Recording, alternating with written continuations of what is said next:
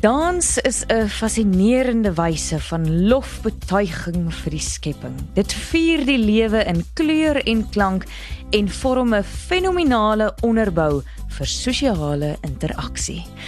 Dit het my skoon liries na die vorige episode en vandag gesels ons verder oor die herkoms van dans, waarom ons dit so geniet en ons gaan uitvind wat is die oudste dansvorm in Suid-Afrika. Hoe nou? Met Suan Miller Maree en Gerard van Huisteen. Hoe nou word moontlik gemaak deur afrikaans.com. Jou tuiste vir alles oor Afrikaans. Nou ja, Gerard, nadat ons voorheen getrippe trappe tone het en gedans het rondom dans en die herkoms daarvan, ons het 'n klomp interessante funksies uitgevind en vandag is dit nou tyd om bietjie verder te gesels oor dans. Ja, so dit was 'n eindelose gewilde episode gewees waarna mense trouens kan gaan luister by afrikaans.com of by uh, hunou.co.za of op Spotify as jy 'n potsender luisteraar is, kan jy gaan luister daar na die vorige episode. Absoluut. Nou Kenneth is een van ons potsendings en hy het vir ons 'n e-pos gestuur in Engels na info@hunou.co.za en hy het die volgende te sê gehad sê eers vir Kenneth. Hallo Kenneth. Hallo Kenneth. Sê dit in Engels, né? Nee? Hallo Kenneth. Hi Kenneth. Nice to meet you. Hy het geskryf I've enjoyed your episode on why people dance immensely. Thank you for that. Ag, dit is 'n plesier. Stop dit. You mentioned several functions of dancing like for social interaction as part of rituals, for celebrations, for healing, etc. But that still does not explain why specifically dancing and not for instance running or rope skipping or something like that. Has any research been done on this topic? Gerard, oor na jou. so dit's fascinerend en Kenneth baie dankie dit het my op 'n heerlike soektog gesit. Nou neurofisiologiese navorsing oor dans is eintlik nog in sy kinderdansskoene. Ja. Uh, ons weet nog eintlik baie min want dit is 'n geweldige komplekse proses. Dink net vir jouself, né? Jy hoor musiek, so dan is jou temporale kwab, né? Jou temporal lobe is 'n kwab. 'n Kwab in Afrikaans nou is 'n kwab. Jou uh, is jou temporale kwab, né? Net om na die musiek te luister, dan sien jy ander mense, né? Jou occipitale kwab wat iets doen en dit sien jy deur aktivering van jou spieelneurone, nê, nee, jou mirror neurons. Dan voel jy die aanraking van jou dansmaat argument onthou so, dis die soma eh, somatosensoriese korteks wat geaktiveer word. Dan moet jou eie liggaam meestal gekoördineerd beweeg. Daarvoor het jy die basale ganglia nodig saam met jou motorkorteks. Met danspassies wat jy uit jou geheue uit moet gaan ophaal, daar gebruik jy jou linker parietale kwab en jy moet baie keer eh, soos as uh, ek wals nog steeds na al die jare, moet ek tel 1 2 3 1 2 3. Ja. Nee, so jy moet saggies in jou kop tel wat waarskynlik die angulêre gyrus is en jy moet beplan wat jou vol volgende beweging gaan wees, né? Nee? Dis nie net jy doen dit nou nie, jy moet ook beplan, o, gaan ek hier in iemand vasdans, gaan ek nie in iemand vasdans nie, wat gebeur nou in die hoek en so aan. So dis jou dorsolateraal frontale korteks, jou posterior parietale korteks, die supplementêre motorarea en jou premotorarea. Nou ja, dan het jy nog nie eers begin om ritme te hou nie. Daarvoor is die cerebellum nodig. En intussen moet jy gewoon nog jou balans hou. Meer as 600 spiere werk terwyl jy dans. Jy moet glimlag, jy moet asemhaal, jou hart moet bly klop. Al daai goeters moet gebeur. So dit is 'n geweldige komplekse proses. En dan liewe so aan, praat ons nie eers van wat maak dans so lekker nie. Ja. Dit lyk vir ons of dit primêr is as gevolg van die vrystelling van endorfien. Nou endorfien, die woord is 'n samestelling van endogene morfine endorfien. So daar's morfien wat vrygestel word, jou natuurlike morfien wat 'n pynstiller is, nê? En ons weet endorfine is verantwoordelik vir 'n euforiese gevoel. So as daai endorfine vrygestel word in jou liggaam, dan kry jy hierdie euforiese gevoel van as jy dans. Liewe aarde, dames en here, 'n handeklap vir Gerard wat sopas vir ons die wetenskaplike morfologie of verduideliking agter dans gegee het. Ek het jou verloor by linkerparietale kwap en ehm um, jou toe nog verder verloor by harsingslijmklier. Wat is dit?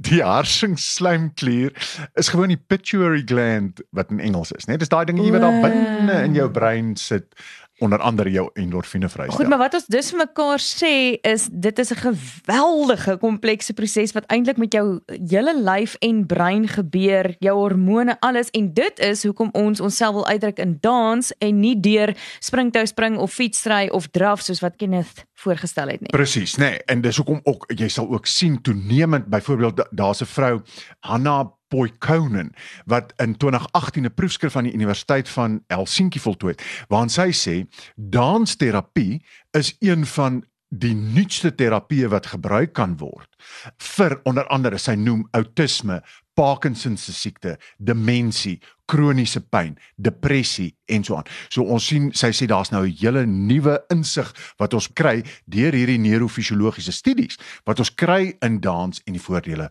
wat dit vir ons inhou. So dans is nie net lekker nie, dans maak die lewe vir ons lekker. Absoluut. Absoluut. Omdat dit lekker is. Presies, presies. Sjoe. Nou ja, toe baie dankie. Ek en Kenneth weet nou alles oor waarom ons dans en waarom dans goed is vir ons en eintlik meer baie kompleks is as wat ons dink. En waarom jy kan sê as iemand goed dans dan het hy dalk iets tussen die ore, nê? Nee. Net na die breek vind ons uit wat is dan nou die oudste dans in Suid-Afrika. Afrikaans is so lekker soos koeksisters, braaibroodjies en kondensmelk koffie. Dit is jou taal. Dit is wie jy is en hoe jy leef. Daarom nooi ons jou. Kom skryf saam aan die toekoms van Afrikaans. Vir gratis leerhulp, taalnuus, vermaak, speletjies en meer. Besoek www.afrikaans.com en volg ons op sosiale media. Koop dit, lees dit, praat dit, leef dit. afrikaans.com. Jou tuiste vir alles oor Afrikaans. Jy luister na Hoe nou met Gerard en Swan en Swan en Swan. Nou ja, dis tyd om uit te vind wat is die oudste dans in Suid-Afrika en dit te danke aan Greta van George wat tydens 'n vorige episode vir ons die vraag gestel het. Gerard? Nou, jy sal onthou in verlede week se episode het ons gesê dat daar rotstekeninge van buikdansers, waarskynlik buikdansers is in Indië wat meer as 10000 jaar oud is, nê? Nee? En wat ons dus sou kon interpreteer as 'n uitbeelding van dans. En toe het ons ook gepraat daaroor dat een van die belangrikste funksies van dans in rituele gesien kan word, nê? Nee? So is die oudste dans 'n ritueel. Mm -hmm. Net so, net so, net so, net so. Nou in Suid-Afrika, die oudste mense wat hier bly. Aha, die Khoisan of die Khoikhoi, die Bushmans. Die Khoi en die Bushmans, nee. Mm. Lyk like my mense moet nie sê San nie.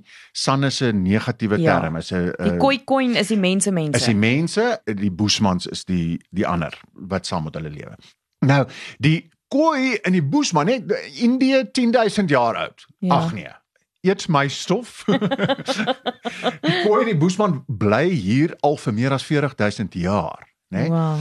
Nou ons So die koei en die Boesman sien die buikdanse van Indië wat hoeveel 10000 jaar oud is en hulle reis dit met 30000 jaar. Presies, presies, presies. Dis mos nou Suid-Afrikaanse gees daai.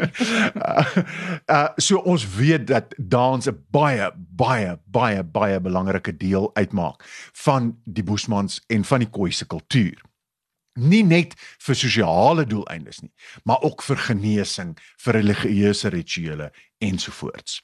En dit is nogals jammer as 'n mens dink dat baie van hierdie dansrituele moontlik sou kon uitsterf wat so oud is soos die berge, want sover ek weet is daar maar ongeveer 100 000 Boesmans in Suider-Afrika oor. Inderdaad, nê? Nee, en en daarom kan ons eintlik baie gelukkig wees, baie dankbaar ook wees dat een van hierdie tradisionele danssoorte van die koi en die boesmans in onlangse jare kom so aan in onlangse jare 'n fisieke opbloei gesien het. Die reel. Die reel dans, nê. Nee. Nou in 'n artikel op die webwerf npvanwyklou.co.za vertel die bekende kenner en uh, Dr Willa Boesak dat die reel egter nie net vir die pret en die plesier gedoen word nie, maar ook by elke en nou gaan ek hier bietjie die taal verkrag, maar ek gaan probeer.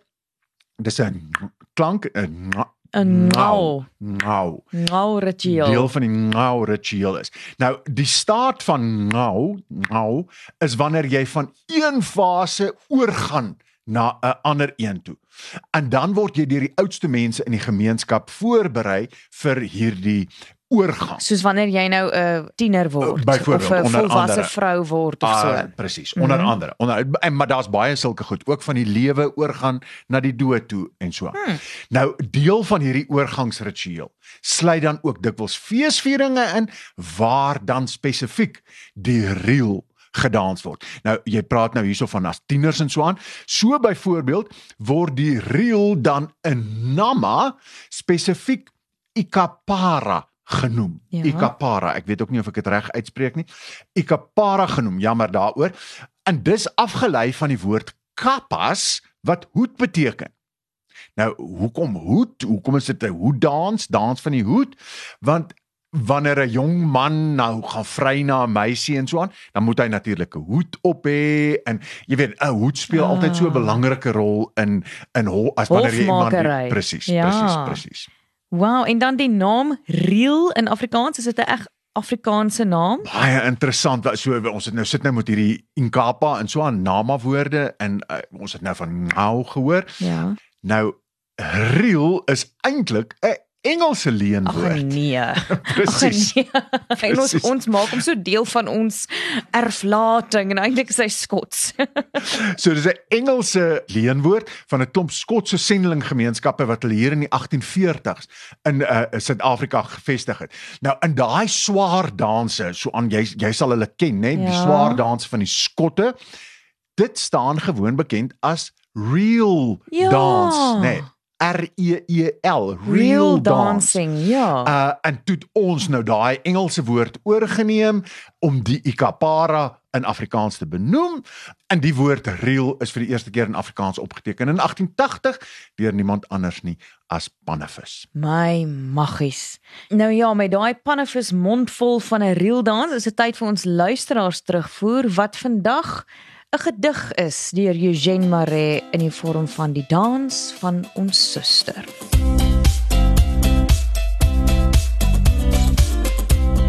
Oor die dans van ons suster. Eers oor die bergtop loer sy skelm en haar oë is skaam en sy lag saggies.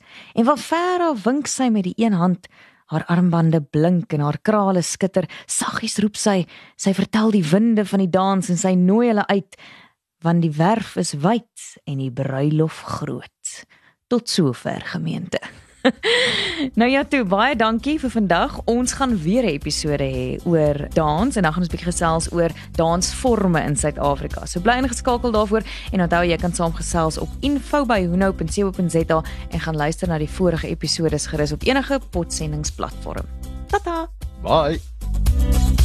Who know is saamgestel en aangebied deur Suan Miller Maree en Gerard van Huisteen en word moontlik gemaak met die tegniese ondersteuning van Marula Media en die finansiële ondersteuning van afrikaans.com. Jou tuiste vir alles oor Afrikaans.